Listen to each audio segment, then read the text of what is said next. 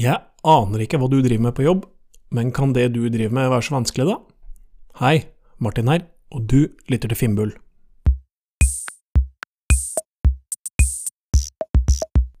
På avstand er alt enkelt.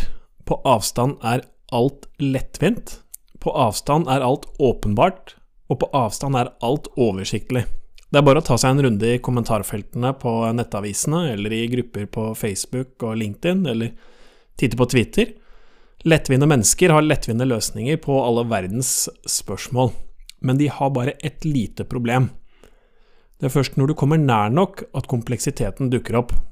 Det blir flere detaljer, det blir flere nyanser, det blir flere valg, det blir flere avklaringer som må tas, og dermed melder også usikkerheten seg.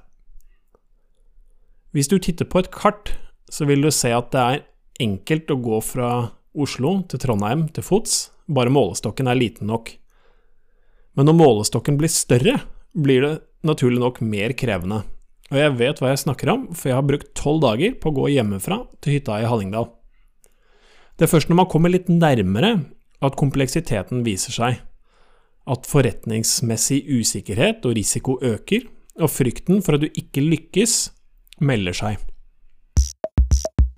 Du kan ikke ta beslutninger på avstand, og du kan knapt nok mene noe om det. Du må ha detaljkunnskap nok om det du ønsker å gjøre er gjennomførbart, om det er ønsket av kundene, om du kan skalere det og tjene penger på det. Har du ikke detaljert nok svar, bør du la det være. Samtidig skal du ikke grave deg ned i detaljene og la dem kvele ideen din.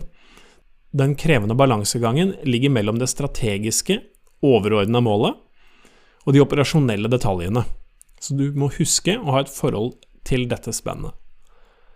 Det du driver med på jobb, er selvfølgelig ikke enkelt. Da hadde noen andre kopiert det du driver med, og gjort det bedre enn deg. Sørg for at det ikke skjer. Takk for at du lytter til Finnbull. Vi høres.